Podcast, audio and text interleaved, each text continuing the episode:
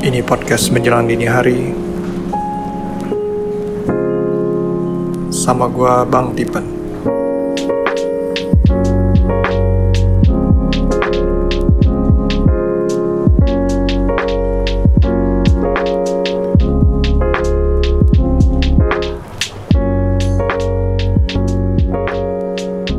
Halo lagi, so I'm back today. Tapi ini uh, yang mau gua uh, posting ini pre-recorded ya. Jadi selama ini gue ada interview sama Bang Rane, tapi itu belum sempet gue edit dan aduh sorry banget Bang Rane. Dan kebetulan uh, Suarane podcast juga lagi libur karena ini hari pertama puasa. Uh, gue mau ngucapin selamat menjalani ibadah puasa.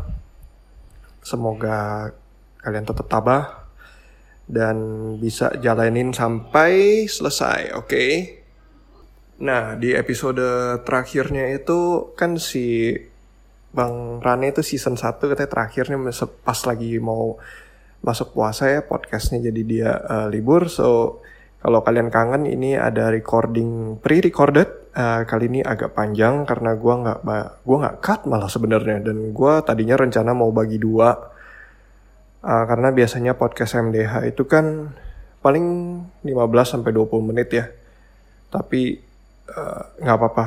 Ini panjang jadi lu dengerin aja. Menarik banget karena bahasannya itu mengenai kita nostalgia waktu si Bang Rane itu juga lagi merantau di Singapura dan di Jepang dan kita sharing-sharing uh, ya sedikit pengalaman kita di sana. So check it out, oke? Gue itu sebetulnya empat tahun tapi kemudian diulur jadi lima tahun gara-gara gempa. Oh, tapi waktu itu visa memang dapat lima tahun. Eh empat. Empat, habis itu dipanjangin. Waktu itu kerja di perusahaan Indonesia atau Jepang? Di NHK. NHK. Yoi. Widih. J- Rezeki. Gile, mantep banget NHK.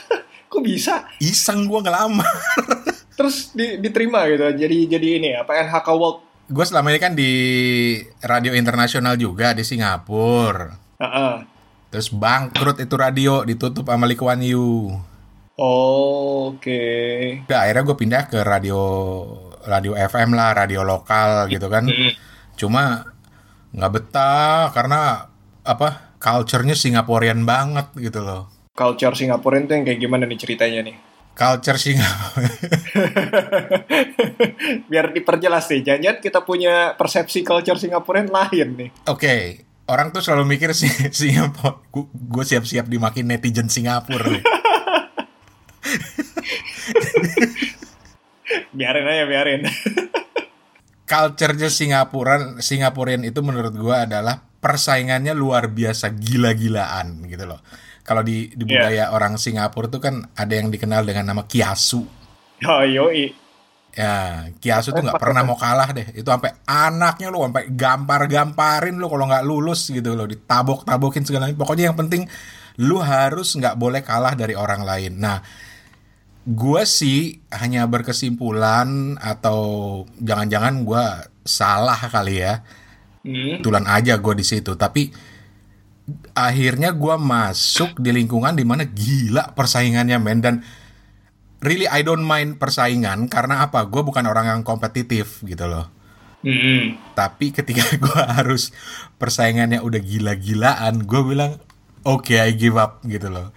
Akhirnya dalam proses itu gue coba eh, cari-cari informasi mau balik ke Indonesia. Eh ada lowongan di NHK di siaran bahasa Indonesia. Oke. Gua ngelamar di NHK World. Eh diterima, alhamdulillah. Itu sih lumayan banget sih. Oh gila, bukan lumayan. Itu itu kalau harus dicari dalam hidup gue, men itu lima tahun yang paling berharga gitu. Kalau gue bisa figurain, gue figurain deh. Iya. Karena waktu waktu di sana tuh ini banget nggak kayak eh, berasa Jepang banget nggak itu perusahaan? eh statusnya sama kayak waktu gue di Singapura. Waktu gue kerja di radio internasional namanya Radio Singapura Internasional, itu culture-nya mix karena di situ ada orang dari berbagai negara, dari berbagai budaya. Siaran bahasa uh, Inggris, bahasa uh, Mandarin gitu kan. Eh, di NHK, di NHK World lebih gila lagi karena itu ada 8 atau 9 bahasa mulai dari Asia sampai Eropa sampai uh, Bangladesh, India. Jadi Wah, banyak ya. se sembilan bahasa, sembilan apa sepuluh bahasa kalau nggak salah. Oke. Jadi gua nggak merasa kayak di Jepang dan culture-nya juga bukan lu udah ngerasain kan kerja di kantor Jepang kan? Gua untungnya gua bukan kantor Jepang. Bagus. Kalau gua kantor Jepang kayak gua bisa angkat tangan sih, jujur aja. Yo, itu dia. Jadi kantor gue itu kantor internasional istilahnya. Jadi lantai 6 itu radio internasional, lantai 7 itu Hmm. TV internasional, NHK World. Mm-mm. dan culture-nya tuh beda gitu loh. Kecuali memang di lantai 6 ke bawah atau 7 ke atas itu udah Jepang banget. Yang datang harus on time. Bah pulang sebelum buco lo, bos lo itu pulang, lu nggak bisa pulang gitu kan. Itu dia. Kayak gitu men. Kalau di si Benar-benar. di lantai 6 tuh gua nyantai banget datang jam 10. Paling nanti ditegur eh besok jangan gitu lagi ya. Oh iya iya iya iya, besok tetap aja. Karena prinsip gue main radio tuh harus mem- memicu eh, environment yang kreatif gitu loh dan kreatif itu kalau lu di banyak Iya. banyak aturan lu nggak bisa kreatif gitu loh. Jadi bodo amat Ya, gitu loh. Jadi rigid gitu ya, kaku. Yes, gue Iya, pernah iya, bilang iya. sama bos gue orang Jepang yang kebetulan pernah tinggal lama di Indonesia. Gue bilang ini bukan kerja di bank, gue bilang. Heeh. Eh maaf ya, nanti gue diserang sama netizen orang bank lagi nih. Nah, nanti yang bangkir-bangkir semua pada nyerang nih. gitu, tapi ya ya gitu gitu loh. So gue enjoy banget asli. Gue enjoy banget, bener-bener enjoy. Nih, apalagi di situ ngerasain enaknya gimana ya keteraturan ya dibandingkan sama di Asia Tenggara kayak berasa bedanya. Banget. Nggak tahu kalau Thailand gimana.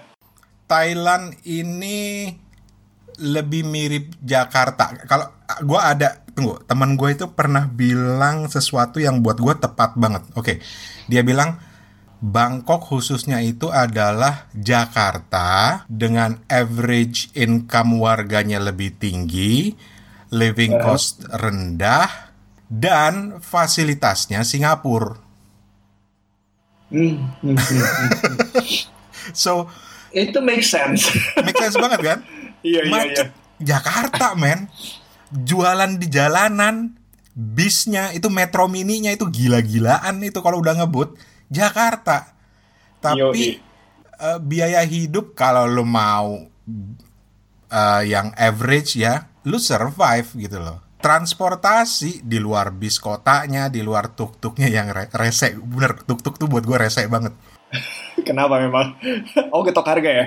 oh banget Mirip-mirip bajai dong sama sini. Parah. Dan itu sama sama Jakarta, cuma Tuhan yang tahu kapan mau belok gitu. Tapi di atas itu, di atas bis sama bajai, men, MRT-nya gue pertama kali datang waktu gue liputan ke sana tahun berapa dan itu lagi kerusuhan eh 2007 gitu kalau nggak salah lagi. Oh, kerusuhan yang kerusuhan Bangkok itu ya? Yes, yang merah kaos merah sama kaos kuning. Iya, benar-benar. tahan di bandara nggak bisa pulang itu aja. Fasilitas eh, kereta MRT-nya itu tetap jalan tetap rapi tetap sesuai aturan. Orang itu juga antri gitu. Jadi gue bilang gila ya kebayang kalau Jakarta nanti punya kayak begini bisa nggak ya? Bukan gue underestimate Jakarta Hmm, tapi mau nggak mau men lu harus kayak begini. Lu kebayang nggak sih nanti MRT udah keren-keren gitu kan terus tiba-tiba Iya. orang masih jualan di pinggir-pinggir gitu Nah, tapi gue juga bingung sih. Maksudnya eh, Jakarta ya, waktu dibilang mau bangun MRT itu kan berarti kan nanti ada kayak stasiunnya, subway-nya. Nah itu apa nggak jadi kumuh ya? I mean di Amerika aja itu tempat stasiun subway aja kan udah jadi daerah rawan kan kalau malam kan. Bayangin di ne- negara kayak Indonesia gitu. Jakarta lah tepatnya. Gue pernah ngobrol sama teman gue yang arsitek gitu ya Heeh. ars apa apa sih istilahnya uh, arsitek tata kota, urban planner. Urban planner, ha. Ya, itu si pecah tuh, si pecah tuh, podcast pecah tuh, urban planner. Pecah itu urban planner ya? Tuh anak makan apa sih, pinter banget. Emang susah banget ya itu. Gue sih nggak pernah tahu. Gue apa bingung sih waktu dengar, hah ada kuliah urban planner ya. Dari cara dia ngomong tuh gue bilang ini anak gila, pinter banget nih makannya apa sih? Tapi oke, okay, gue punya teman urban planner yang cerita gini, dia dia punya kekhawatiran dua terhadap MRT di Jakarta. Ada dua kekhawatiran dia. Yang pertama kumuh, pasti itu orang Indonesia tuh nggak boleh lihat uh, lapangan kosong atau daerah kosong. Itu pasti diisi, entah jualan segala macam. Itu satu. Yang kedua yang karena dia mempelajari urban ya Jakarta, dia bilang kekhawatiran dia kedua terus terang banjir dia bilang gini, gue nggak tahu bener apa enggak ya, tapi ini cerita dia, makanya gue nggak mau sebut orangnya karena gue takut nanti dia dituntut apa gimana. Tapi dia bilang gini, Jakarta itu dari zaman Soekarno dulu itu dibangun oleh arsitek-arsitek dari Eropa Timur, dari Rusia apa gimana gitu ya. Ciri khas mereka adalah ketika membangun uh, gedung bertingkat itu dalam banget ininya uh, fondasinya. Fondasi, jadi kalau lu menggali untuk stasiun MRT, lu harus menggali lebih dalam. Kalau enggak lu mentak-mentok mentak-mentok gitu. Nah, resikonya adalah ketika lebih dalam dan sistem drainasenya nggak bagus. Wah. Tapi oke, okay, nggak tahu ya. Mudah-mudahan sih enggak. Katanya sih canggih, pakai teknologi Jepang. Gua nggak tahu, nggak tahu. Ya, kalau memang benar-benar Jepang sih ya kita masih lebih percaya. Cuman perawatannya itu yang agak dikhawatirkan. Itu dia. Balik lagi semua perawatannya doang. Uh, lu pernah naik KRL dong? Pernah pernah. Pernah naik KRL yang diambil dari kereta Tokyo Metro nggak? Oh ya pernah banget. Pas lagi lewat pas lagi lewatnya nah itu kan kayak cuo line tuh Yo, sampai tulisan Jepangnya aja masih ada gitu kan. Iya iya iya benar benar. Nah, itu aja kalau itu kan katanya ya, itu di Jepang itu kereta-kereta yang usianya udah lima tahun ke atas. Tapi kan terawat gitu ya. Sorry, nih gue ngomong gini kesannya gue snob banget, tapi I'm just telling the, the, the fact gitu. Lima, lima, lima tahunan gitu. Nah dibawa ke Jakarta, itu kondisinya masih masih kinclong banget gitu loh. Beberapa tahun kemudian udah kelihatan kumuhnya karena uh, menurut gue orang kita itu nggak biasa untuk merawat. Apalagi kalau bukan punya dia pribadi gitu. Jadi gue sedih. Lagi-lagi gue cerita pengalaman nih. Karena gue pencinta kereta gue pernah uh, kontak dengan yang namanya railvan oh lu termasuk ini juga train otaku ya berarti ya? Me. Cuma gue nggak separah mereka. Mereka itu ya otakunya itu uh, otaku kereta itu terbagi-bagi. Ada yang otaku kereta yang khusus kolektor bento kereta atau kotak makanan kereta. Oh iya iya iya pernah pernah dengar tuh pernah dengar ha. Ada yang ke mana-mana bawa alat rekam cuma buat ngerekam uh, musik jingle di setiap stasiun yang beda-beda. Iya itu di Jepang sih gue berasa ini banget sih. Kayak di stasiun nih kadang waktu lagi kangen gitu kan. Uh cari di online, cari di Google gitu ya bisa nemu gitu. Oh jingle stasiun dulu stasiun rumah kita tuh apa gitu. Yo inget banget kan gitu kan? Iya. Yang lebih gila lagi dari otaku kereta itu adalah ada cabang dari otaku kereta yang men mereka hobinya niruin suara mesin. Niruin suara mesin? Niruin pakai mulut gitu? Iya. Dan lebih gilanya lagi, antara mereka tuh bisa bercandaan gitu loh. Jadi misalnya mereka cuk cuk cuk cuk cuk cuk cuk. Oh ini kereta seri ini tahun ini mereknya ini. Wah anjir. Anjir yang bener aja loh. Serius. Bahkan waktu itu gue dipamerin ya. Uh, mereka memperdengarkan rekaman kereta itu hmm. mereka bikin kuis. Ini kereta apa? Mereka bisa tebak loh. Itu udah udah high level banget tuh lain levelnya lain. Jadi nerd nerdnya orang Jepang otaku itu buat gue udah obsessionnya tuh udah udah gila ya. Itu sampai sampai suara ya begitu. Nah sorry cerita dikit. Ya baliknya nah. ke tadi. Gue ketemu sama satu orang orang kaya men. Udah berumur mungkin sekitar 50-an tahun 60-an tahun. Orang orang Indo. Orang Jepang okay. anggota rail fan otaku kereta. Dan dia sering bolak-balik Indonesia cuma buat nengokin kereta-kereta dari Jepang yang dipakai di Jakarta. Dia nangis di depan gue. Gue rekam. Sayangnya karena itu hak ciptanya NHK, gue nggak bisa ambil rekamannya. Dia nangis di depan gue dan bilang dengan bahasa Inggris yang kacau balau lah. Dia bilang, please take care of our train katanya. Oh my god. Lu gila kan? itu itu itu itu gila sih. I mean sampai sampai sedalam itu mereka tuh sampai menjiwai. Tapi emang orang Jepang tuh gue salut sih. Yap, Kalau emang mereka tuh udah into something tuh bener-bener langsung di wah gila dah. Mereka bisa sampai tahu banget gitu. Heeh. Makanya di Indonesia otaku itu kan sesuatu culture yang dianggap keren gitu ya. Iya. Correct me if I'm wrong ya. Eh, eh, mungkin gua salah. Tetapi di Jepang otaku itu sebenarnya aslinya sebelum masuk budaya pop itu adalah orang-orang yang mengasingkan diri, yang mem- men- men- memencilkan diri Mhm. dan lebih terfokus pada satu hal yang udah nggak peduli sama yang lainnya. Tapi jadi keren sama di Amerika nerd itu jadi keren karena budaya populer gitu loh. Nah bedanya otaku Jepang ini ketika lu sudah fokus pada satu hal, men, lu nggak peduli, bahkan sampai ada yang nggak kawin, nggak punya anak, Iya iya iya benar-benar. itu itu sampai pokoknya gue udah fokus ke satu hal, udah gitu. Dan akhirnya apa? Jadi spesialis banget. Iya, cuman sayangnya mereka itu ya balik lagi nggak bergaul sama society-nya itu yang drawback-nya mereka itu ya. Padahal mungkin dengan knowledge yang mereka punya bisa dipakai buat train otaku kan bisa jadi engineer mungkin ya. Oh iya, oh iya.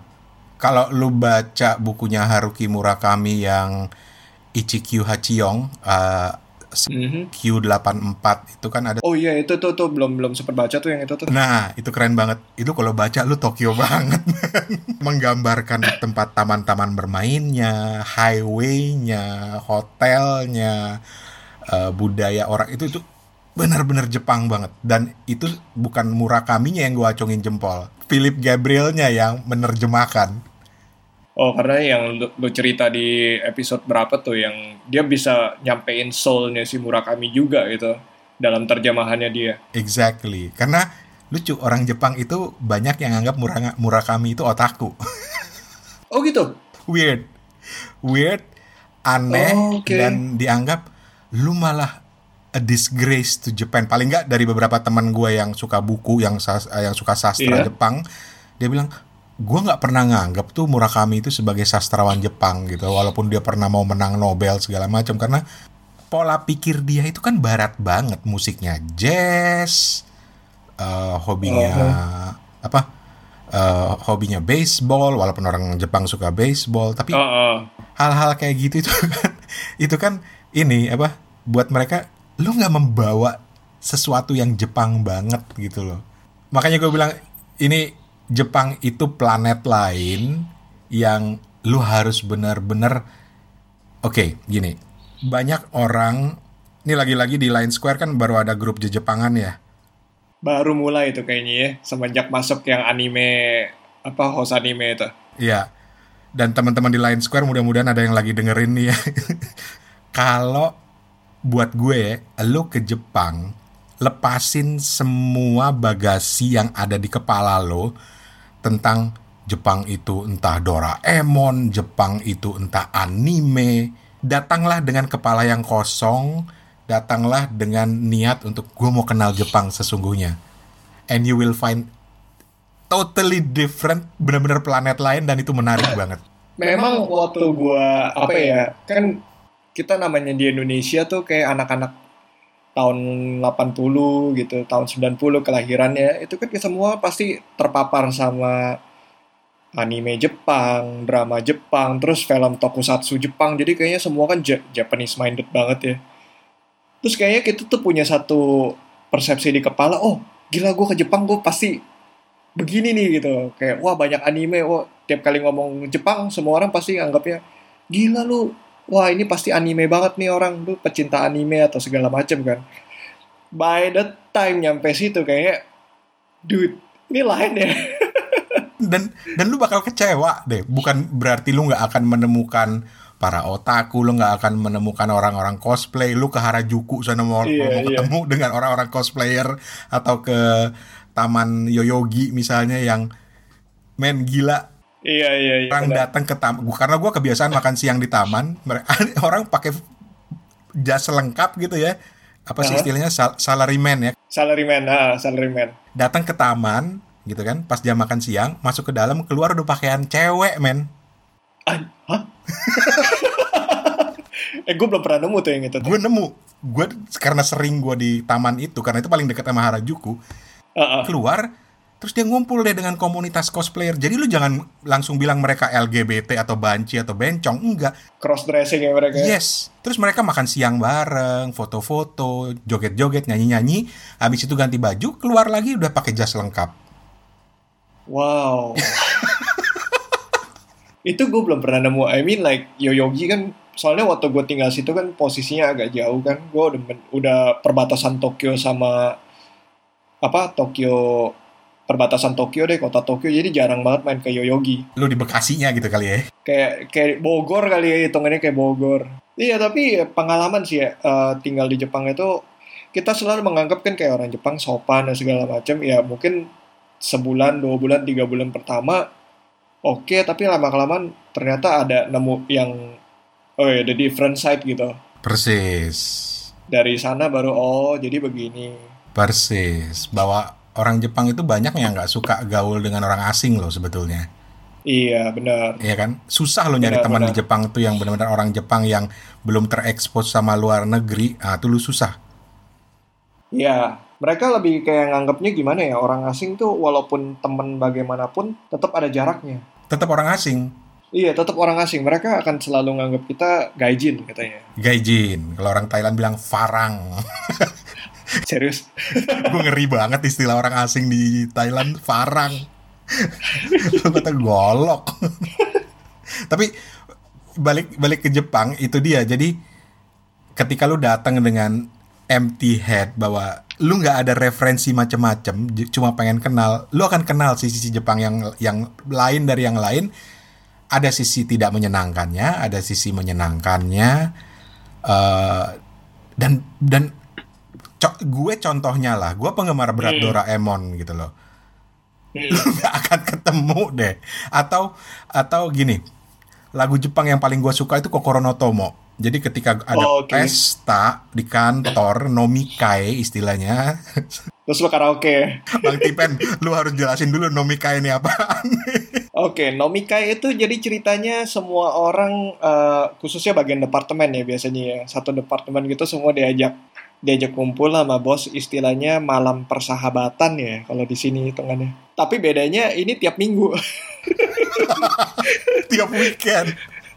tiap weekend jadi kayak waduh berat dan itu kayak biasa kalau kultur Jepang kita nggak boleh nolak ya senior minta bos minta itu kayak udah udah, udah terima dah Dan itu yang berat adalah karena eh minum.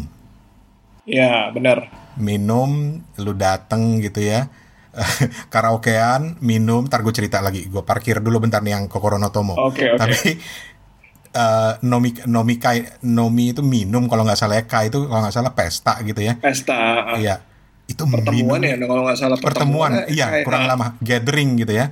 Nah lu bayangin gue pernah ngalamin gue datang nomikai pulang jam 11 malam cuy dan gue harus nganterin bos gue yang mabok berat gitu. Ah, ah. naik taksi. Besok paginya jam 7 dia udah nongol di kantor. Wah itu emang orang sono no itu gila kan? Nah gue tarik lagi nih yang yang Kokoro no Tomo. Jadi gue nyanyi dong. Bukan gue nggak nyanyi. Gue bilang gue request "Eh, karaoke apa? "Eh, Kokoro no Tomo Kokoro no Tomo. Mereka bingung ini apaan Kokoro no Tomo akhirnya ya udah gini gue nggak usah pakai musik deh gue nyanyi aja. Ya gue ambil dong mikrofon nyanyi. Iya. ada karakoro shini wa. Mereka cuma gini heh nande? Maksudnya apaan tuh? Di sana- shoka.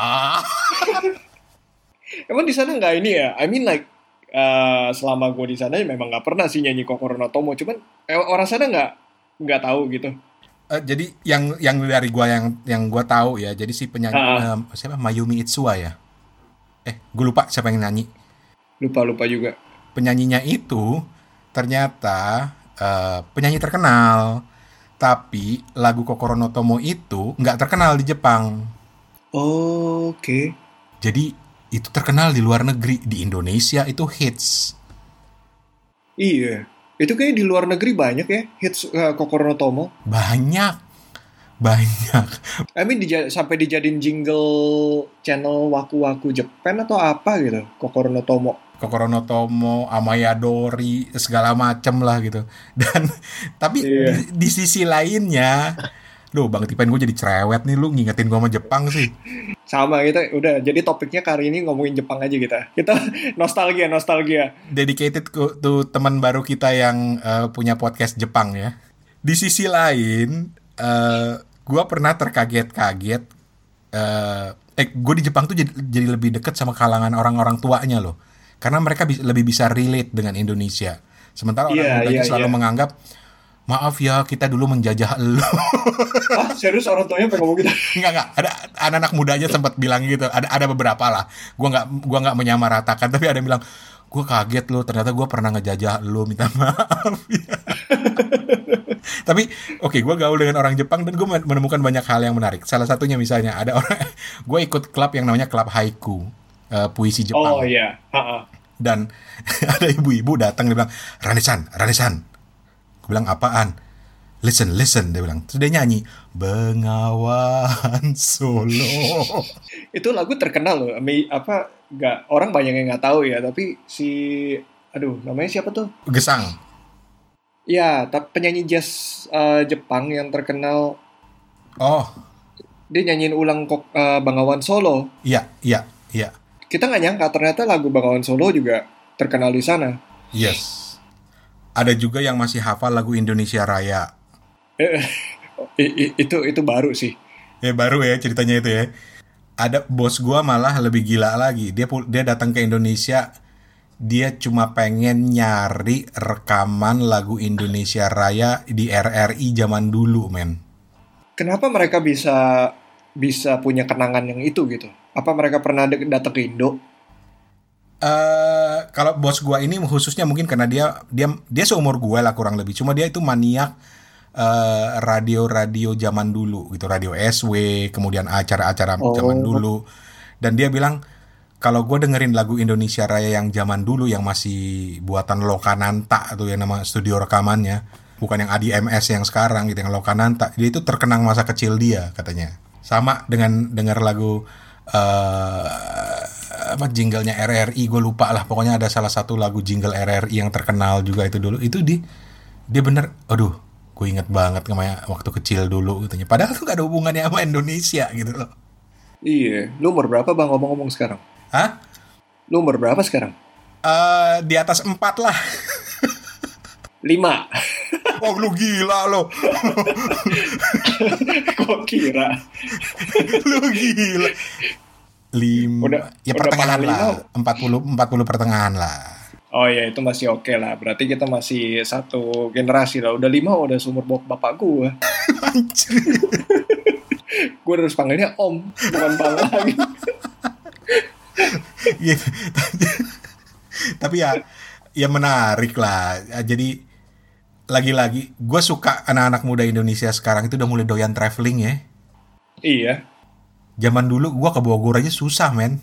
Kenapa tuh? Apa dilarang orang tua atau gimana? Atau transport nggak mendukung? Itu overstatement sih sebenarnya. Ke Bandung aja gue susah karena biayanya mahal. Tapi ketika gue ngelihat sekarang, "Ih, anak-anak liburan cita-citanya ke Jepang, buset gue bilang keren banget. Cuma ya itu ketika lu traveling, eh, buat gue traveling ke negara lain itu bukan hanya sekedar untuk jalan-jalan Hmm. atau ambil foto di Instagramable places gitu kan, Nah, ya kan? itu yang jadi pembicaraan utama banyak orang ya. Bener. bukan cuma itu gue nggak masalah deh fine lah it's it's their culture tapi buat gue yang lebih dari itu adalah lu kudu belajar bahwa ternyata di luar negeri lu sendiri ada banyak culture yang harus lu respect gitu loh dan itu untuk memperkaya diri lu sendiri itu dia contoh yang paling gue benci adalah ketika gue di Jepang ini cita-cita gue yang nggak pernah kesampaian yaitu naik ke Gunung Fuji. Gue sok tahu banget sih badan segede gini pengen naik Gunung Fuji gitu. Tapi bisa bang bisa. Gila lo, nenek-nenek aja bisa naik ke Gunung Fuji. Iya gitu. makanya bisa. Berapa lamanya lain cerita. Nah, itu dia. Berapa lamanya turunnya di provinsi mana lu nggak tahu. Karena naik Gunung Fuji itu lu bisa naik dari, dari provinsi yang berbatasan dengan Tokyo, turunnya di balik yang satu lagi, nangis bener, bener, pulangnya bener. gitu loh. Perbatasan ini ya kalau nggak salah apa Yamanashi sama apa gitu. Iya, Yamanashi. Nah, ada loh. Ini bahkan bukan turis. Ini adalah orang yang tinggal di Jepang, uh, istilahnya trainee atau TKI lah ya. Ha? naik Gunung Fuji sampai di atas keluar noraknya mereka nyoret-nyoret di batu. Oh iya masuk berita kan itu? Uh bukan masuk berita lagi kita sampai ngelacak siapa dia gitu loh. Ketemu, ketemu. Kalau gue kabar terakhir adalah dia uh, sampai didampingin sama orang KBR. Iya pak gitu kalau nggak salah karena dituntut gitu loh. Tapi setelah itu gue nggak tahu. Nah yang noraknya itu itu loh lu bikin graffiti nama nama geng lu come on man gitu loh jadi buat gue ketika lu keluar negeri itu bagus terserah lo bahkan gue pernah ketemu sekumpulan anak-anak Indonesia yang bener-bener backpacking ke Jepang prinsip dia apa gue bilang lu kok sanggup sih bayar mereka itu masih kuliahan loh dan mereka bilang gini bang orang Indonesia mah beli dulu masih BlackBerry ya Beli yeah. BlackBerry 2 jutaan aja bisa. Lah kita jual BlackBerry dapat tiket ke Jepang katanya. Gitu. Bener-bener waktu itu bener. Tapi jangan cuma bawa pulang oleh-oleh apa sih green tea matcha atau kue dorayaki. Bawa pulang juga nilai-nilainya lah bahwa ih gila lo orang Jepang tuh begini orang Jepang begini. Nah. Ada bagusnya ada jeleknya gitu. Iya iya iya benar nah itu yang makanya gue kan tadinya kan gue ngomong sama lu kan pengen ngomongin kenapa sebenarnya gue pengen semua orang tuh merantau nggak cuman orang Indonesia ya maksudnya semua orang. Biar mereka tuh bisa ngeliat luar negeri itu seperti apa uh, kultur-kultur lain dan mereka immerse di dalam dan lu melihat balik ke negara lu sendiri gitu. Yes. Dan dari situ lu mikir gimana gue bisa bikin negara gue lebih baik gitu. Dari misalnya Jepang keteraturannya dan timingnya semua apa yang membuat mereka bisa maju? Seperti mungkin uh, edukasinya dan disiplinnya kan disiplinnya disiplinnya sih amazing memang itu gimana supaya Indonesia bisa begitu cara bikinnya cuman ya sayangnya anak-anak sekarang kayaknya lebih banyak mentingin kan jalan-jalan untuk Instagram. Gak tau ya, konsep traveling anak-anak sekarang dengan resiko bahwa gue akan dianggap sebagai grumpy old man. anak-anak sekarang itu konsep traveling mereka adalah show off. Sorry kalau gue salah, show off. Dalam artian tren uh, profile picture di sosial media mereka harus ada yang pakai jaket gitu kan. Eh, syukur-syukur uh, ada latar belakang salju gitu. Atau ada ada tori tori gerbang gerbang Jepang gitu lu rugi bayar mahal buat ke Jepang kalau cuma buat begitu doang pakai pakai Photoshop aja udah bisa gitu loh modal jaket pinjaman atau apalah gitu lu udah bisa tapi banyak yang lu bisa dapet contoh contoh kebiasaan gue kalau traveling yang gue belajar dari bokap gue terutama ya atau dari teman gue adalah uh -huh. ketika gue datang ke sebuah negara gue justru nggak suka ke tempat-tempat wisata yang terkenal. Nah, wah berarti lu sama kayak gue nih bang. Iya kan? Wah udah kita satu satu jalur dah. Yoi. Gue nggak suka ke Harajuku, gue benci Harajuku beneran. gue waktu pertama kali ke Jepang ke Harajuku tuh cuma pengen tahu apa sih yang bikin rame kan Iya kan? nyampe sono kayaknya gue oke gue angkat kaki gue nggak nggak tahan nggak tahan Tapi gue tuh salah satu tempat kalau gue ke mana pun dalam negeri luar negeri yang gue cari tuh pasar. Karena buat gue itu bisa menggambarkan masyarakatnya. Jadi gue ketemu pasar becek di Jepang, di Tokyo, di na, eh, eh, eh, eh, eh, eh, apa Nagoya gitu. Itu menarik gitu loh. pasar-pasar becek di Tokyo di mana bang Ada. Lu pernah punya ketemu daerah yang namanya Musashi Koyama. Musashi Koyama ha. Itu terkenal deh buat orang Indonesia karena belanja di situ murah.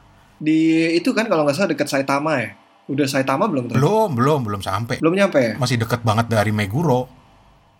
Oh, ada. oh Tapi bukan Musashi Koyama namanya apa Musashi apa gitu. Kalau ini Musashi Koyama, Nishikoyama, Meguro tuh rute keretanya gue inget tuh. Di sana lu jalan deh ke salah satu lorong-lorongnya itu ada pasar becek. Atau Iya, kalau gue belum pernah sih ke sampai ketemu pasar becek tuh. apa pasar yang di aduh yang terkenal banget kok di Jepang itu loh dekat Ueno itu loh. Gue lupa pasar yang pokoknya pasarnya di pinggir kereta panjang gitu loh. Gue lupa pokoknya itu daerah turis banget. Di salah satu lorongnya itu ada gedung lu masuk ke dalam tuh pasar becek di situ. Daun pisang lu ketemu pisang kepok ada gitu loh. Wah, itu gue bener-bener salah. Harusnya gue cari tahu itu tempat itu tuh. Memang waktu tinggal di sana gue nyari kayak ada nggak ya pasar becek di sini yang buat kita belanja bahan makanan kalau nggak mahal banget, men. memang dan Buat beli kayak wah gila. buat gue itu survival survivability sih kalau nggak gitu gue nggak hidup man. iya di, aduh gila. Ya memang orang bilang makan di sana kayak makan Yoshinoya gitu murah gitu ya di sana ya. Tapi masa lu tiap hari makan Yoshinoya sih gitu?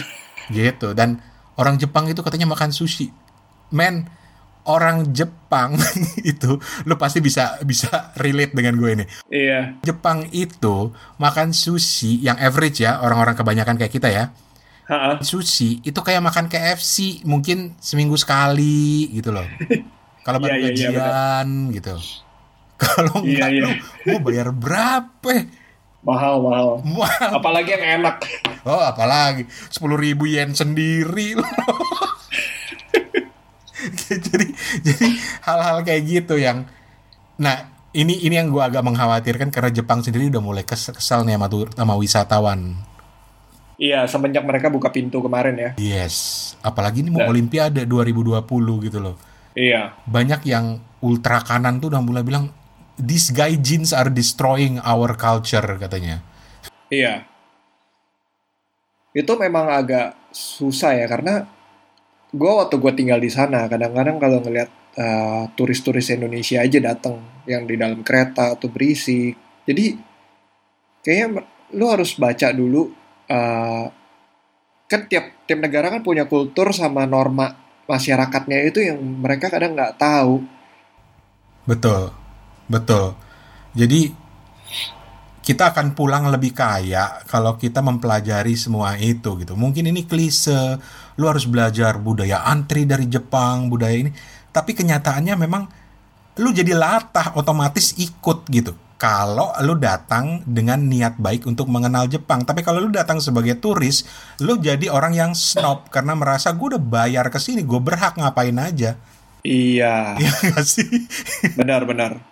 Gue makanya kalau traveling, gue inget banget waktu gue masih traveling di tahun 2008 pertama kali gue backpacking ke Jepang itu kan itu kan masih ini banget tuh masih belum ada teknologi kayak sekarang tuh Google Map dan Nggak ada. internet buat apa wi- uh, mobile wifi yang bisa dibawa ke mana-mana Ya.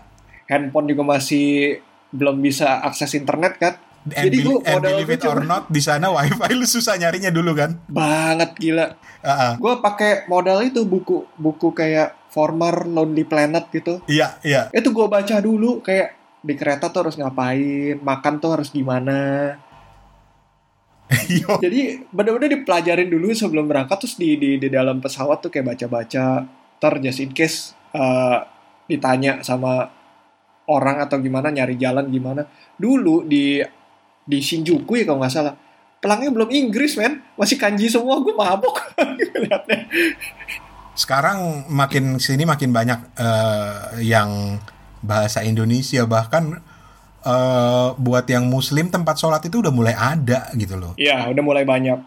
Gue ninggalin Makanan Jepang men di tahun 2014 itu namanya ramen halal tuh cuma ada satu di Shinjuku.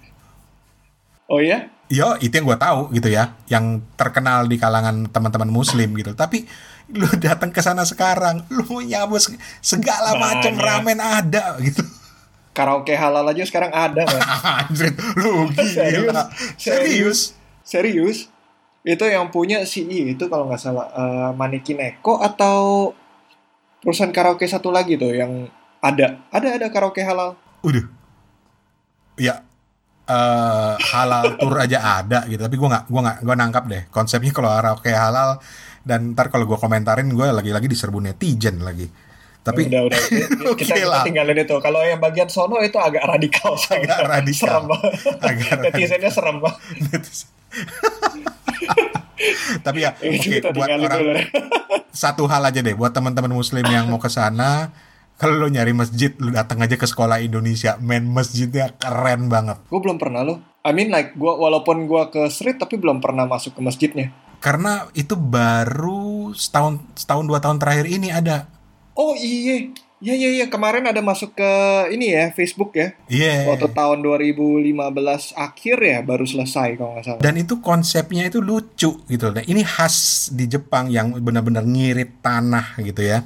Jadi uh -huh. bangunan sekolah, lu tahu kan bangunan sekolah Republik Indonesia Tokyo ya? Iya. Di sisi kanan itu kan ada sedikit kira-kira 3 meteran lah gitu lebarnya antara pagar dengan gedung. Yang buat lapangan basket ya? Ah, ah. kalau lu berdiri di lapangan basket ngadap ke gedung di sebelah kanannya itu kan ada kosong tuh ada kayak lorong kosong di sebelah kanan. Ah, ah. Itu paling lebarnya 3 meter itu dibangun men. Gila. Tapi keren. Tapi keren. Serius? Itu keren banget masjid itu keren banget ya gue nggak sempat lihat secara fisik tapi gue sempat lihat uh, maketnya dan kemudian teman gue uh, video call dia ngasih lihat gue bilang gila gila itu berapa sih berapa hampir berapa ratus hampir satu m kalau nggak salah satu miliar perak itu biayanya Soalnya sana kan juga mahal banget kan ya. Dan aturan bikin bangunan kan ketat gitu. Ketat sekali di sana. Mm -mm. Gitu itu itu buat teman-teman muslim lo datang ke situ makan adalah yang halal di situ atau yang sedikit agak agak adventurous lu bisa makan sushi halal kayak gitulah itu. Iya. Waktu gua masih kerja di situ tahun 2014 nyari makanan halal juga emang susah sih. Susah, men. I mean like temen gua kan gue kan bukan muslim ya tapi teman gue ada satu yang kerja uh, dia dikirim dia kerjanya di kantor Singapura. Mm -hmm. dikirim ke Tokyo. Dan itu memang kasihan juga sih. Dia bilang gue nyari makanan halal susah banget katanya. Ya. iya iya sih. Gue gue ngerti perasaan lo. Di sini kayak dikit-dikit pasti ada babinya Yo, maupun lo pesan chicken, broadnya pasti babi. Yes, apalagi yang namanya beli ramen, itu ramen itu semuanya kan pakai broadnya itu kan pakai tulang. Iya, makanya. Tulang babi gitu loh. Iya. Ya gimana ya? Naluri survivability gue tuh kick in begitu gue ada di situ. Masa sih gue nggak nyobain makanan Jepang gitu loh. Tapi masa juga nggak mungkin juga lah gue melanggar aturan segala macam. Akibatnya ya kita banyak improvisasi belanja, uh. bikin sendiri, masak bikin sendiri. Iya. Akhirnya gue belajar gitu loh. Oh, bikin sushi itu gimana sih? Oh, ternyata sushi itu bisa kok kandungannya ini. Dan kanji-kanji pertama yang kita kenal, gue sekeluarga kenal itu adalah kanji daging babi, kanji uh. shortening yang kebanyakan dari lemak babi, kanji uh, uh. ayam, kanji daging, kanji ikan. jadi jadi udah udah terbiasa kita baca baca ingredient tapi fa, menyenangkan kok ada memang yang misalnya oh kecap Jepang nggak boleh karena ada kandungan alkoholnya ya itu kembali kepada uh, pemahaman masing-masing lah. Iya iya. Gitu. Tapi intinya please lah kalau keluar gua nggak bilang ke to be fair ya kita ngomongin Singapura Ah. sedikit ya to be fair. Lo kalau ke Singapura nggak usah lah. Oke lah sekali boleh lah ke Universal Studios Orchard Road gitu ya. Eh, apalagi sih yang di Yap. Singapura? Eh, Eh, Singapura paling sering ya Orchard Road, eh, terus Universal Studio, Sentosa, eh, Marina Bay ya. Marina Bay fine nggak masalah ambil foto Instagram lo di sana tapi buat gue yang lebih penting lu harus jalan ke daerah perumahan di Singapura Iya, iya, iya, iya. yang namanya HDB Housing Development Block itu Iya, benar. Singapura yang asli Gila. Bang, kayaknya kita benar-benar relatable banget, Bang. Dulu di Singapura berapa lama? Gue tiga bulan di Singapura. duh duh gue kalau di Sing- cerita Singapura gue gue 10 tahun. Aduh, gue ini tipe orang yang nggak adventurous beneran. Gue walaupun gue udah ngalamin tinggal di eh, Asia, di Jepang, di, di Eropa, di Inggris sebentar gitu ya, di Amerika. Iya, iya. Tapi tapi gue itu tipe yang nggak adventurous dalam artian ketika gue udah ketemu satu pekerjaan, udah gue stick di situ gitu loh. Stay di sana. Gue otaku, Otakku apa tuh? Oh, train tadi. otak Oh. kerjaan. Otakku kerja. Dalam artian makanya gue betah banget itu sampai gue diusir istilahnya di Singapura karena radio tempat gue kerja tutup. Gue Eh, gue di Singapura juga sedihnya waktu itu sebenarnya kan udah udah udah lumayan ker- udah mulai tuh istilahnya waktu itu gue sebagai desainer kerjanya web designer Mantap. jadi tapi gue masih hitungannya kayak model freelance begitu karena visa gue nggak keluar gue tiga bulan kerja gelap men tiap bulan gue pasti keluar kalau nggak ke Johor Baru balik ke Indo Yoi, yoi, yoi, yoi. yoi. itu pengalaman sih itu pengalaman I mean like Atau nyebrang ke Batam. Ini berhubung ini podcast masih rada-rada underground nih, gue bisa ngomong bebas nih. Kalau nggak gue bisa. Ntar tiba-tiba gue ditangkap lagi. Gue ingat banget orang orang bos gue tuh yang kayak nyamperin setelah tiga bulan dia bilang gue udah coba apply visa lu. Jadi visa gue udah di, selama sebulan sekali itu ditolak, Oke. di reject, di reject sampai akhirnya bosnya datang, dia bilang gue kayak merasa ini nggak adil buat lu. Jadi mendingan eh, lu cari tempat lain deh katanya Buset. selama lo cari tempat lain lo boleh kerja di tempat kita gitu gue em, udah nggak apa-apa saya pulang negara saya aja nggak apa-apa Nah, itu juga eh, Bang Tipen ketika lo memutuskan oke, itu traveling tadi ya, tapi ketika lo memutuskan untuk untuk kerja di luar negeri, gue baru gue baru ingat, gue baru ngomong sama Yori kemarin. Yori itu podcast eh, host podcast celoteh Yori. eh, podcast seksologi dan sama dia cerita, "Bang, aku tuh pengen banget cita-cita gue tuh pengen banget keluar negeri gitu loh." Banyak orang yang cita-cita seperti itu. Tapi menurut gue buat gue ketika lo memang memutuskan untuk keluar negeri untuk kerja eh, grab every opportunity you have gitu loh. Tapi kemudian sama ketika lo ada di sana jadilah orang sana gitu bukan jadi pendatang. Ketika lu pasti pernah ngalamin lah bagaimana teman-teman di Indonesia kemudian bilang anjing kerja di Jepang lu duitnya yen gitu loh. Atau lu di Singapura dolar tapi orang lupa bahwa kita gajian yen gajian dolar Singapura atau US dollar buat hidup di sana bukan buat dibawa pulang benar Iya kan? Dan akibatnya apa? Ya sama, misalnya kayak Sama aja. kerja di sini dengan gaji berapa 10 juta katakanlah misalnya, ya mungkin di sana ekuivalennya kurang lebih sama karena biaya hidupnya gila. Gila men. Gue waktu itu ngekos kamar gue 20 gue kan di Apato tuh. Ah, kamar gue cuma 22 eh 20 meter persegi. Ah, ah. satu satu kitchen. Satu kitchen. Terus ada loft ya. Itu 85 ribu yen bang. 80 buset. 85 ribu yen. Satu kamar, satu kamar satu kitchen.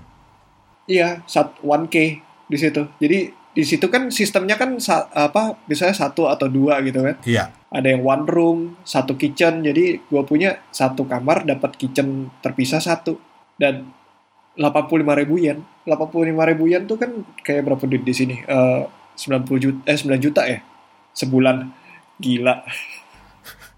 Dan lu percaya atau enggak, mungkin teman-teman yang denger juga akan per, uh, uh, percaya atau enggak. Di Jepang itu ada uh, yang namanya apartemen atau apato orang Jepang bilangnya yang nggak ada WC-nya. Ah serius lu? Serius. Gak ada WC-nya? Nggak, oke. eh, maksud gua gini, nggak ada kamar mandinya, bukan nggak ada WC-nya. Oh iya iya iya iya. iya. Nggak ada kamar mandinya, WC ada gitu. Makanya gue lagi bingung gila gak ada WC bagaimana? Poker mah ada. Nggak ada kamar mandinya. Terus, jadi mandi di mana? Tempat mandi publik. Sento. Sento yang pernah pernah bang mandi ke Sento? eh beberapa kali iya. Terutama kalau bini gue lagi pulang. karena karena kadang-kadang buat gue air tuh mahal beneran loh. Ya di situ walaupun kayak ditagi cuman cu- ditagi sana kan dua bulan sekali ya kalau air. Iya. Heeh. Bil air ditagi dua bulan sekali itu pun ini ya mahal berasa. Banget banget.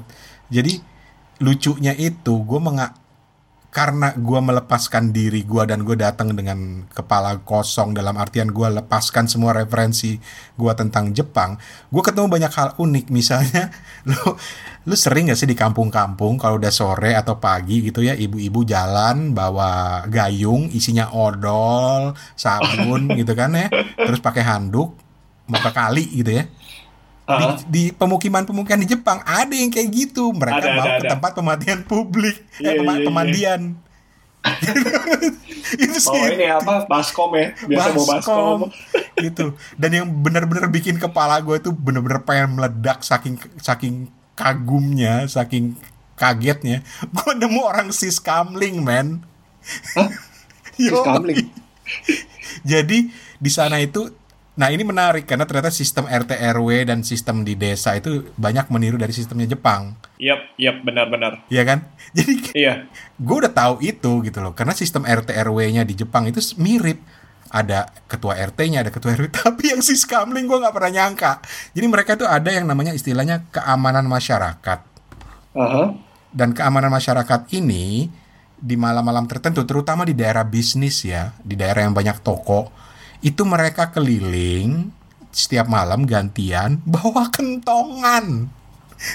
Oke, itu itu gue baru tahu. Gue belum pernah ketemu loh. Beneran bawa kentongan. Lu tinggal di Meguro kan? di, di Meguro di Meguro oh, kalau itu gue ketemunya di Shibuya jadi gue kan naik sepeda pulang pergi ya jadi kalau Aha. malam gue suka keluyuran dulu nggak mau langsung pulang masuk Oh, masuk gang-gang kecil itu ada Di Shibuya. Shibuya dan itu dipakai buat kentongan penanda waktu Wah gila. otak gue langsung gila gue bilang sadis ini gila gue bilang Berarti banyak banget kita Indonesia belajar dari Jepang ya. Nggak cuma sistem RT RW, Siskamling pun begitu. Gua awal gue nggak tahu loh. I mean mengenai RT RW nggak pernah kebayang gitu. Tapi pas nyampe sana ini maksudnya apa ya? Alamat gua apa-apa terus apa come gitu. Come itu apa gitu ya? alamat gue misalnya 2 strip 2 strip 4 itu RT RW kelurahan kecamatan gitu loh Iya. Alamat tuh kayak 4 se- strip 11, strip 16 gitu kan. Jadi, ah, ini apa gitu. Ternyata RT RW. Pindah ke Singapura yang menariknya adalah kalau sistem itu di Singapura yang menarik dan mengerikan buat gue adalah kode pos. Kode Oh. pos di Singapura itu per gedung men. Jadi lu tinggal di apartemen ini itu kode posnya sendiri. Wih, canggih amat blok eh, sorry sorry per blok sorry bukan per gedung per blok. Dan kebanyakan dalam satu blok itu misalnya ada cuma ada satu apartemen atau gitu. Iya. Lu kebayang nggak kalau lu bisa dilacak sampai ke level Oh iya iya iya iya benar-benar. itu nakutin Tapi Singapura menurut gue kayaknya Singapura memang ini banget sih terlalu kecil kayaknya buat eh, gimana ya gampang gitu mau ngelacak orang yang ngapa yang agak jahat gitu gampang sekali cepet. Makanya gue waktu kerja di situ gue takutnya setengah mati itu kayak hidup tiap hari tuh dalam ketakutan takut sampai lu dipanggil gitu sama menteri tenaga kerja sama daerah kementerian tenaga kerja gitu kan iya gue takut sekali gitu. makanya lumayan stres lah tiga bulan itu gue tinggal situ kayak gue nggak berani keluar gue eh, apa ya ya banyak lebih banyak weekend di rumah. Kalau gue pikir-pikir, kalau gue pribadi yang membuat gue betah sampai segitu lama di Singapura, lebih kepada karena pekerjaan gue, gue nikmatin banget. Jadi gue merasa beruntung dapat kerjaan yang gue suka, dunia radio, sehingga justru hiburan gue adalah ketika gue kerja. Oke. Okay. ketika gue pulang itu bener-bener buat istirahat. Anak istri kadang-kadang balik, kadang-kadang nemenin gue gitu. Tapi gue enjoy kerja dan betah gitu mungkin mungkin salah satu penyebabnya tapi lagi-lagi balik ke poin kita buat ngobrol ini seperti yang lu cerita bahwa lu bisa membawa pulang sesuatu kok gitu loh Buk, lebih dari sekedar duit. Orang orang zaman dulu orang-orang kita zaman dulu yang datang belajar ke Jepang misalnya pulang mereka membawa sesuatu yang berharga. Sistem RT RW lah walaupun itu juga katanya masa penjajahan Belanda tapi kita banyak belajar di situ. Iya. Yang menerapkan orang-orang orang-orang kita juga yang pernah belajar di Jepang. Bahkan yang paling recent ya yang paling baru dan mungkin nggak uh -huh. bakal banyak yang nebak itu pos polisi itu dari Jepang pos polisi lu tahu kan pos-pos polisi yang banyak di lingkungan kita tuh iya iya iya itu dari Jepang Maksudnya Koban itu? Koban. Kobang. Masa itu konsep pos polisi itu itu diambil oleh Polri dari Jepang kerjasama dengan kepolisian Jepang. Makanya pernah ada berita beberapa kali kan ketika lu dengar ada bom teroris meledak atau ada ada peristiwa apa tiba-tiba kesorot ada polisi Jepang. Oh. Itu salah satunya karena mereka sebenarnya juga punya kerjasama dengan kepolisian Indonesia dan salah satu yang mereka coba terapkan dan dianggap positif adalah Kobang. Kobang itu buat temen yang nggak tahu sebenarnya pos polisi. Pos polisi iya. yang gedung di pinggir biasa di perempatan jalan ya. Di situ ada iya, iya. polisi iya. duduk gitu terus itu jadi pusat informasi. Kalau lu nyasar, kalau anak lu hilang, dompet lu hilang, atau misalnya lu mau melaporkan sesuatu, lu ke Kobang, ke pos polisi. Nah itu gue inget banget banyak polisi-polisi Indonesia yang datang belajar itu buat itu. Dan salah satu tempat apa ya uji coba penerapan sistem pos polisi atau sistem Kobang Jepang itu adalah Bekasi.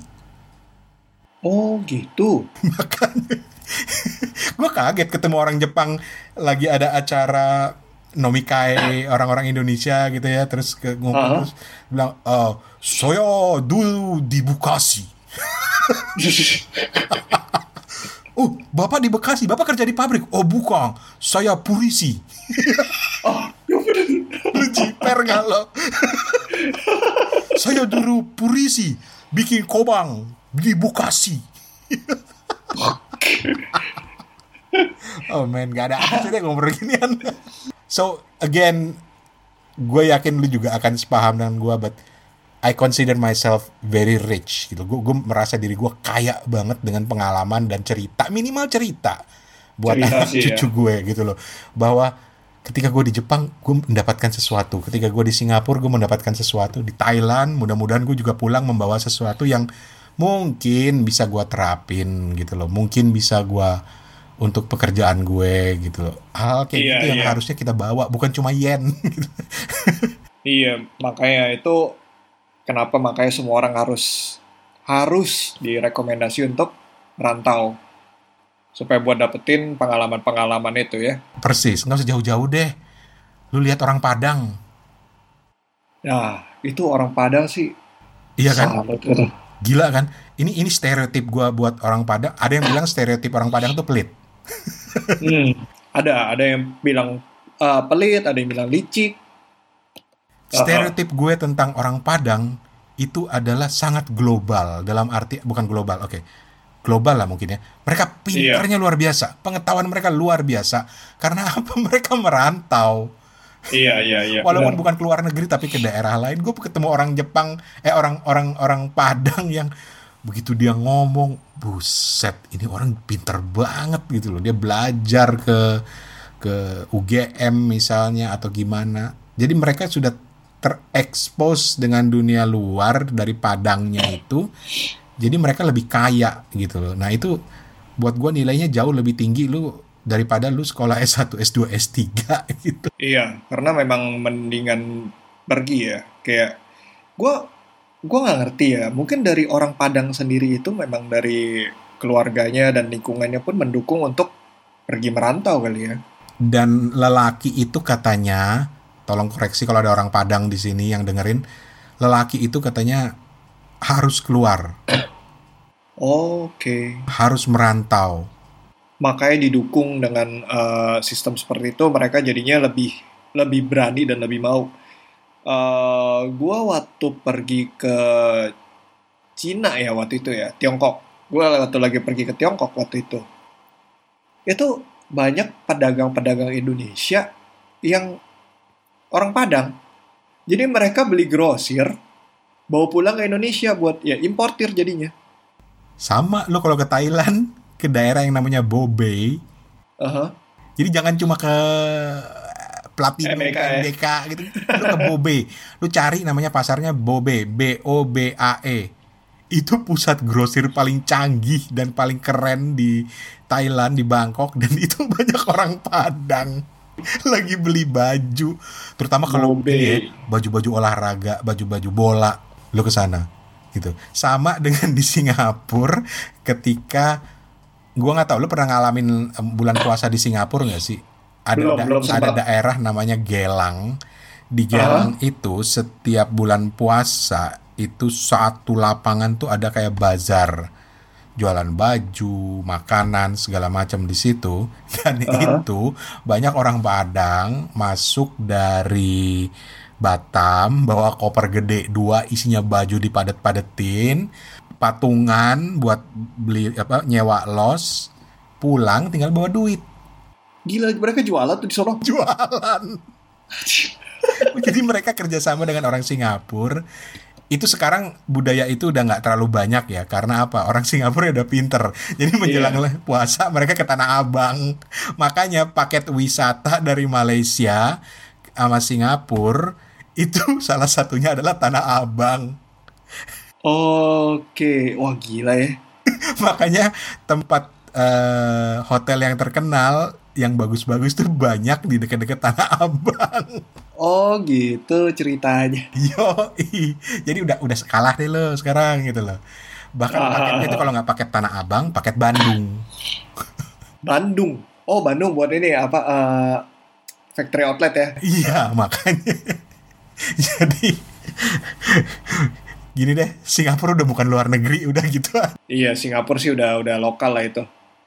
Itu kalau lagi liburan padat orang Indonesia, kalau lagi apa lagi nggak ada apa-apa juga banyak mahasiswa di sana.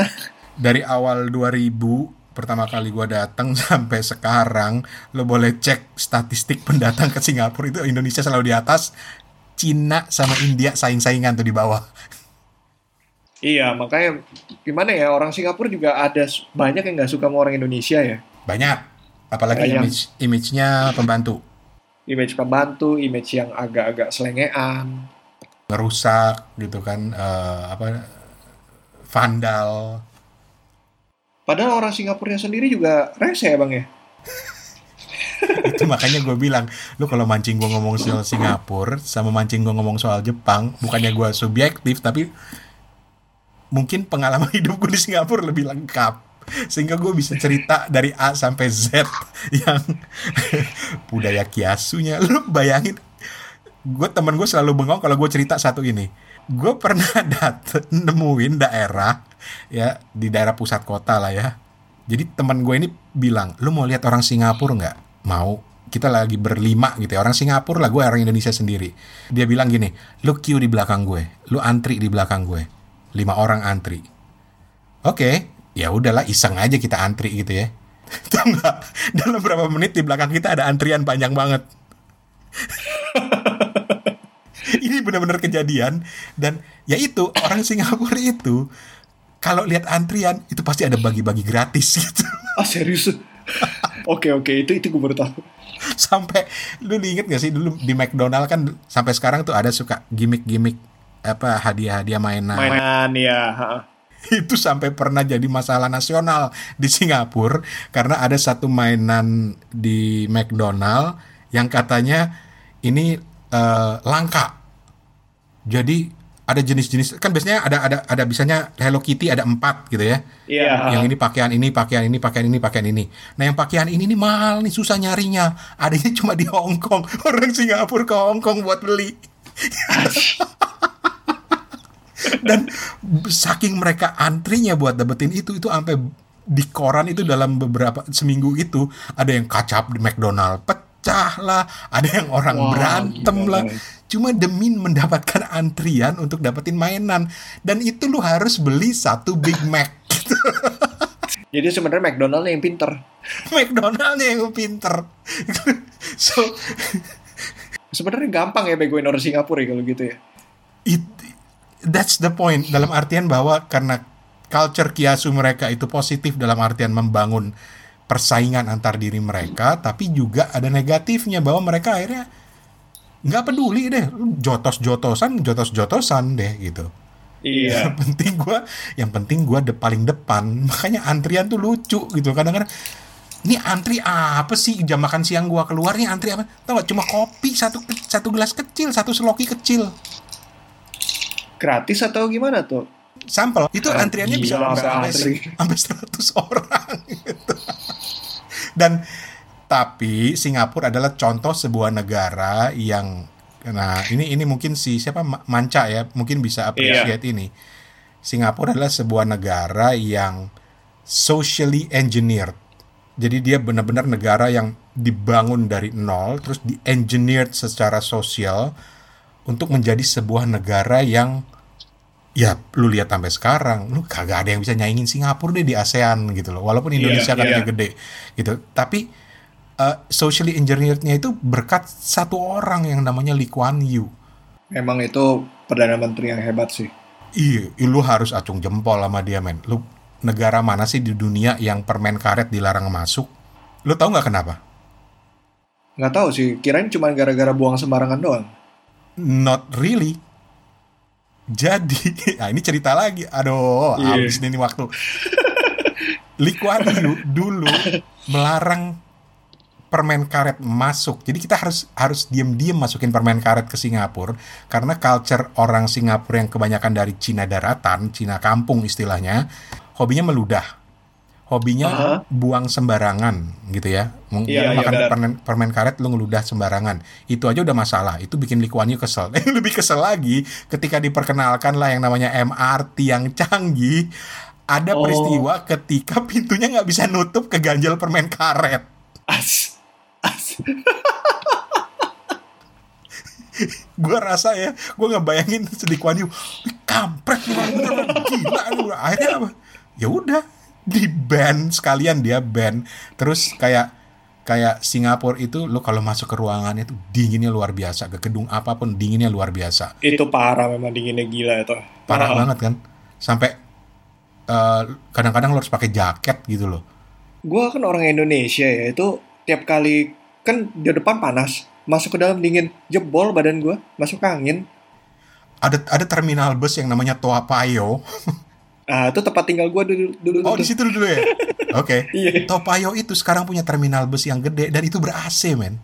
Nah kalau lu tarik sejarahnya lagi, eh itu Lee Kuan Yew karena Lee Kuan Yew selalu berpikir begini bahwa jadi dulu dia di pernah wawancarain waktu pergantian tahun 2000 era milenium gitu istilahnya masuk era milenium ditanya sama majalah asing ya, what is the best invention in human history? Dia bilang air conditioner. Karena menurut dia eh, Lee Kuan Yew yang dibesarkan di Oxford ini percaya bahwa eh, faktor udara itu sangat mempengaruhi manusianya. Jadi orang yang ada di musim dingin itu menurut dia lebih Rajin. lebih rajin, lebih diligent, lebih disiplin gitu loh.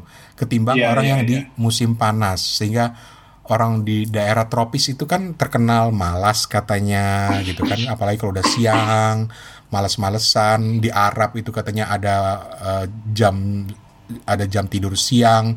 di Timor Leste, di Jawa Iya. segala macam. Pokoknya istilahnya lu tinggal di daerah tropis itu lu cenderung males sehingga AC justru akan meningkatkan eh apa ya kenyamanan hidup lu sehingga lu bisa lebih berpikir produktif dan lebih gilanya kenapa gue bilang Singapura itu socially engineered sampai waktunya aja dirubah seenak dia sama Lee Kuan Yew waktu Indonesia Barat dengan waktu Singapura itu secara Sama. geografis sama tapi sama Lee Kuan Yew dirubah dimajuin sejam Itu itu selalu jadi pertanyaan itu.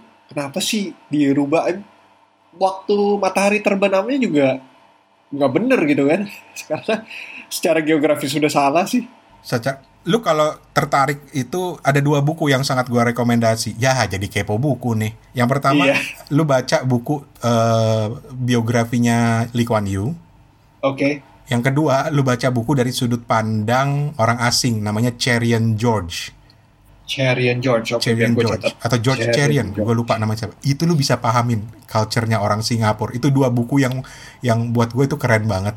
Jadi jadi misalnya ketika lu ngomong soal eh, apa namanya tadi eh, culture Suhu dan jam itu ya. eh, jam sorry jam soal soal jam itu kalau menurut Cherian George itu salah satu penyebabnya bahkan Cherian George itu memberi judul bukunya Singapore the or eh, the air conditioned nation itu menurut dia kenapa kenapa eh, apa namanya waktunya itu berubah itu sebenarnya adalah supaya stock exchange bukan di Aha. awal Itu Lee Kuan Yew sih hebat ya bisa mikir begitu ya. cuma satu jam loh bedanya tapi buat Iya. gue itu it really matters dia pengen banget buka itu supaya dibandingkan dengan negara lain di kawasan Singapura yang buka duluan. Dia tipe ini banget ya kayaknya pedagang bener tuh. banget. Gue sering diomelin bapak mama gue, lu harus buka satu jam lebih cepat daripada toko sebelah. itu dia. Itu dia. Dan kalau lu inget Jepang eh, oke kalau gue cerita Jepang gue punya cerita yang berkesan banget pengalaman berkesan. Di Singapura Aha. 10 tahun yang paling berkesan adalah ketika gue berhadapan face to face dengan Lee Kuan Yew. Oh, waktu itu wawancara ya? wawancara dan gue dapat kesempatan dan dia masuk ya eh, ke ruangan itu. Gue inget itu Pak Harto lagi sakit keras kita diundang. Eh dia diundang dia naik dia menjenguk Pak Harto. Habis jenguk nginep di hotelnya kita diundang datang katanya Lee Kuan Yew wants to talk to the press. Oke kita datang gue waktu itu kerja di media Singapura. Gue datang terus dia ngeliatin gue Oh, sebelum itu, lu mau masuk ke dalam, men? Mau ma- dia kita udah disuruh siap-siap, press secretary-nya udah siap-siap. you know what happens? Salah satu staffnya kucuk-kucuk-kucuk masuk ruangan, ngukur suhu AC dan ngukur suhu air minumnya dia. Karena sampai sedetil itulah konon Lee Kuan Yew itu eh, hidupnya, sampai sedisiplin itu. Oke, dia masuk terus wow. dia ngobrol lah dia ngelihat recorder gue digital recorder gue terus dia bilang dia dia, dia bilang may I borrow it? dengan suara yang berat gitu terus dikasih ke Oh, star- oh. sekretarisnya dia bilang I want this katanya. Gue pengen beliin yang kayak gini. Karena apa? Dia ternyata masih suka belajar bahasa Mandarin dan bahasa Hokkien. Dan itu dia biasa merekam gitu loh. Jadi dia ngeliatin Oh. gue lagi ngerekam dia merhatiin langsung I want this katanya itu sampai staff persnya itu nyamperin gue eh nyatet mereknya serinya gitu. But buat gue yang benar-benar menakutkan adalah karena dia tiba-tiba bilang nunjuk ke gue da, di antara semua wartawan Singapura yang ada di situ dan dia bilang you are Indonesian right? Asli men. Dan mukanya itu udah kayak maaf nih udah kayak mayat hidup. Pucat gitu ya jalannya lambat dia bilang you are Indonesian right? "Oh, yes sir. Gue bilang I am Indonesian I work for Singaporean bla bla bla bla bla. Terus tiba-tiba apa yang terjadi? Dia ngamuk men. Tell your Indonesian friends they should respect their leader dia bilang. Wow. you are killing the only person that made Indonesia possible to be become a big nation. Dia marah karena kita dianggap tidak menghargai Soeharto. Terus dia cerita, I know they are corrupt. Dia cerita lah itu tutut gue udah bilangin dari dulu. Jangan lu ganggu bapak, lu ngerusak bisnis bapak lo. Bapaknya udah gue tegor, gue ingetin anak-anak ini bakal ngerusak. Dan itu ada di bukunya loh. Oh, dia tulis di bukunya itu. Tulis di bukunya bagaimana dia udah ngingetin Soeharto bahwa Tutut dan Tommy dan uh, whoever there is Bambang, Sigit itu bakal ngerusak. Memang kita kan tahu kan Pak Harto itu sebenarnya rusaknya oleh anak-anaknya bukan bukan si Pak Harto. Exactly. Jadi dia bilang begitu. Dia panjang lebar ngomel. Gue gue bilang oke okay, fine. Gue bilang nggak apa-apa. Gue diomelin gitu ya. Gue jadi corong ra, corong omelan rakyat Indonesia gitu. curcol dia curcol. Tapi gue ngerekam dan gue bilang men ini bakal bagi jadi big news besok gitu. Gue Iya. udah, gue udah bilang ini berita, ini berita, ini berita. Gue bilang bodoh amat marah aja terus gue bilang. Sejam lebih main dia ngomel.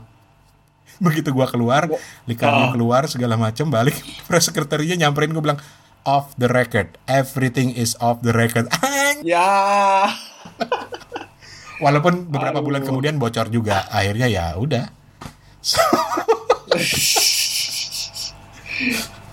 Wah, gokil itu itu itu sebenarnya pengalaman jadi press itu seru di sono ya. Me- menarik, menarik, menarik banget. eh jadi press dalam artian karena gue ngeliput ke region. Kalau cuma lo liputan di Singapura, lu mati berdiri lu kalau wartawan beneran.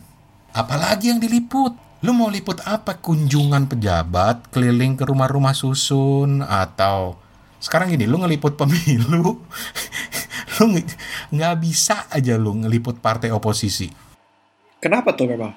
Ya karena sistem pers mereka begitu, diatur banget.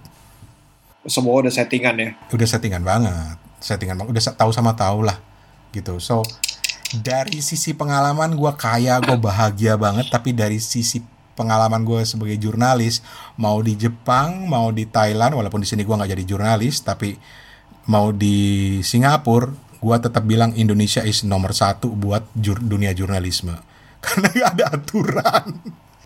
Karena nggak ada aturan, bener bebas banget ya di sini ya. lu bisa ngeliput apa aja gitu loh. Di Jepang itu aturan persnya ketat, Oh, gue bahkan nggak benar-benar nggak ngerti sih gue dengan dunia pers. ketat banget. Dalam artian nggak kayak di Singapura sih yang semuanya diatur, sensor segala macam. Tapi kalau di Jepang itu karena asosiasi jurnalisnya itu, lu tahu dong senioritas di Jepang gitu. Yap, yap. Nah itu asosiasi jurnalisnya Jepang itu kuat banget megang, sehingga Oh, lu nggak jadinya bisa sembarangan dapat Iya. akses. Senioritas itu emang kadang-kadang yang gue, aduh, kesel banget Capek sih. kan lu? Capek hati beneran. Di sana tuh, ah, cuman Jepang sama Korea ya. Katanya Korea lebih parah lagi. Korea lebih parah karena culture dia katanya lebih keras yang gue dengar Iya. sih gitu makanya Benar-benar. makanya orang Jepang yang dapat kesempatan ditugaskan ke Indonesia paling nggak gue punya tiga orang yang gue tahu nggak mau pulang Di Jep dari apa orang Jepang di Indonesia. yes Sekarang mereka ngapain di sini? Ada yang bikin bisnis sendiri ada yang eh, satu akhirnya pulang karena pensiun. Ada yang kemudian apa namanya jadi apa sih istilahnya wartawan freelance gitu. Ada yang jadi konsultan segala macam jadi mereka nggak merasa bahwa ini udah enak banget nih tempat gitu sementara kita Iya. mikirnya gue mau ke Jepang men. Gue harus kerja di Jepang gitu. Sementara mereka iya Banyak kok yang belum tahu lah itu kerja di Jepang pengalamannya seperti apa. Gue yang kerja cuman bukan di perusahaan Jepang, walaupun orang-orang Jepang tapi setidaknya udah lebih lebih apa ya? Lebih lebih progresif lah ya. Jadi manajer gue kan orang Jepang. Terus sampai teman gue tuh ngomong, teman gue orang Korea yang kita satu level lah, dia senior gue. Cuman uh, dia bilang kayak buat orang Jepang, bos kita itu itu is an angel katanya, itu malaikat katanya. buat kita tuh dia kayak tai banget kan. Buat orang Jepang itu dia tuh malaikat. Makanya lu lihat uh, underlingsnya dia yang lain. Kenapa nurut banget sama dia? Karena dia tuh udah kayak malaikat. Lu nggak terlalu, lu nggak disuruh harus nungguin dia pulang dulu. Lu mau pulang mau izin terserah gitu. Ha-ha. Iya, jadi nggak terlalu ketat Wah, gue denger. Padahal buat orang Indonesia bos kayak gitu sih udah resek loh. banget dan yang yang nyebelinnya lagi karena kayak culture orang Jawa jadi kalau negor itu nggak marah-marah ada sih yang marah-marah tuh ada tapi ada yang tapi kebanyakan tuh langsung cuma bilang meja kamu eh, lebih bagus kalau dibersihin itu ternyata Iya, teguran iya. keras Kalau mereka udah direct sebenarnya bilang kayak gitu itu udah cukup Itu keras buat dia. orang Jepang. Karena seorang bos yang tinggi nggak mungkin datang ke lo yang apa kacung kampret gitu ya. Cuma buat ngingetin meja lo harus dibersihin nggak mungkin. Itu harusnya ada level supervisornya. Ketika dia udah turun cuma buat komentarin meja meja lo itu udah keras. Iya benar. So hierarkinya gila, bahasanya gila, eh, ada aturannya kayak Bahasanya sih ya, bahasanya susah itu. Kalau Nah, kita ngomong manggil uh, tip and san misalnya, itu biasa kan. Orang oh orang Jepang semuanya pakai san san san san. Lu kalau manggil uh, misalnya lu bos gue, gue bilang tip and san gitu. Lu diamuk lu. Dia akan marah kenapa? Kita harus manggil sama sama sama ya. yang lebih lebih terhormat gitu. Itu itu yang Benar, nggak benar. itu yang nggak pernah gua kuasain dan akibatnya ah ini balik ke culture orang Jepang. Orang Jepang udah yang prinsipnya kalau udah orang asing ya udahlah maklumin aja Di, guys. di di di apa di di relaxin lah di apa kayak peraturannya nggak di nggak diketatin buat orang asing ya. Gaijin Jadi kita- biarin aja gitu. Kan makanya ada sebutannya kalau kita sampai kena problem jadi mainin itu aja mainin gaijin card katanya. Yes, persis. Play the gaijin card. Play the gaijin card. Itu itu katanya ampuh banget. Iya benar, itu benar sih, efektif. Ngomong-ngomong nih Bang Rane nih, Iya, kita udah ngobrol selama satu setengah jam. anjrit. lu pusing-pusing lu ngedit lu gua. Gue juga bingung nih ngeditnya gimana. Dari Jepang, Thailand, Singapura, Thailand lagi, Jepang lagi. Kayak bisa satu minggu gue edit. Pusing. Thank you banget. Time Thank you machine banget. ke belakang. Udah ngobrol bareng. Lain kali ngobrol lagi. I mean, press press Siap. lo, experience lo itu yang perlu kita gali nih. Ya yang selalu gue banggakan dari diri gue ya ketika gue pernah punya pengalaman di luar negeri itu bukan materi sih, tapi pengalaman. Pengalaman hidup. Dan gue senang banget gitu loh. Bisa cerita macam-macam itu menarik gitu. Iya, karena ceritanya kayak gitu yang orang bilang nggak ada di buku gitu, benar-benar raw dan emang kejadiannya nyata. Yo. anyway, thank you banget. Good night bang, Oke, thank you, thank you banget. thank you, bye bye. Ya, tadi lu udah dengerin interview gue sama Bang Rane. Gue harap uh, kalian juga nikmatin ceritanya, obrolannya ya.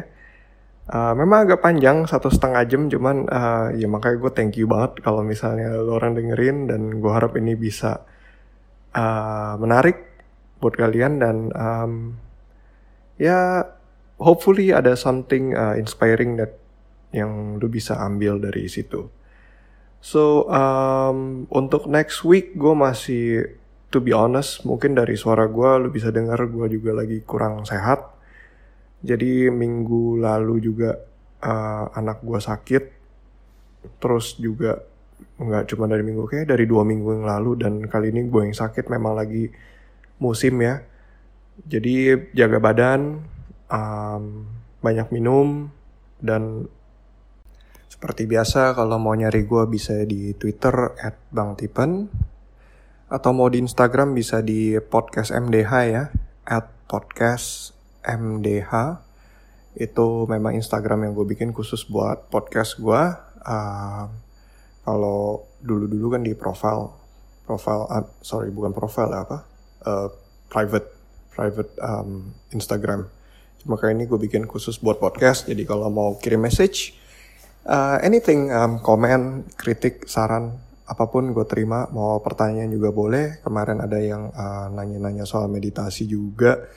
Um, gue sih bukan expert sampai gimana, cuman it's uh, it's fun to share with people. Um, it's even more fun to know that I can help. Uh, apalagi ya? Oh ya, tentu aja buat kalian yang belum pernah dengerin Bang Rane, baru kali ini pertama, gila ke mana aja loh gitu kan dia ngkongnya podcast gitu loh bisa cek di soundcloud.com slash suarane atau mungkin ke suarane.org suarane ya. Suara dan rane. Suarane digabung menjadi satu. Suarane so check him out. Itu dia pembahasannya menarik. Ada kepo buku terus ada banyak deh. Dia udah legasinya banyak. Uh, editing juga rapi karena memang dia udah ada dengkot sih. Orang radio dari zaman radio SW um, yeah, think that's it. Um, so oh ya kalau mau email bisa juga di menjelang dini hari at outlook.com so I'll talk to you guys soon okay? Bye bye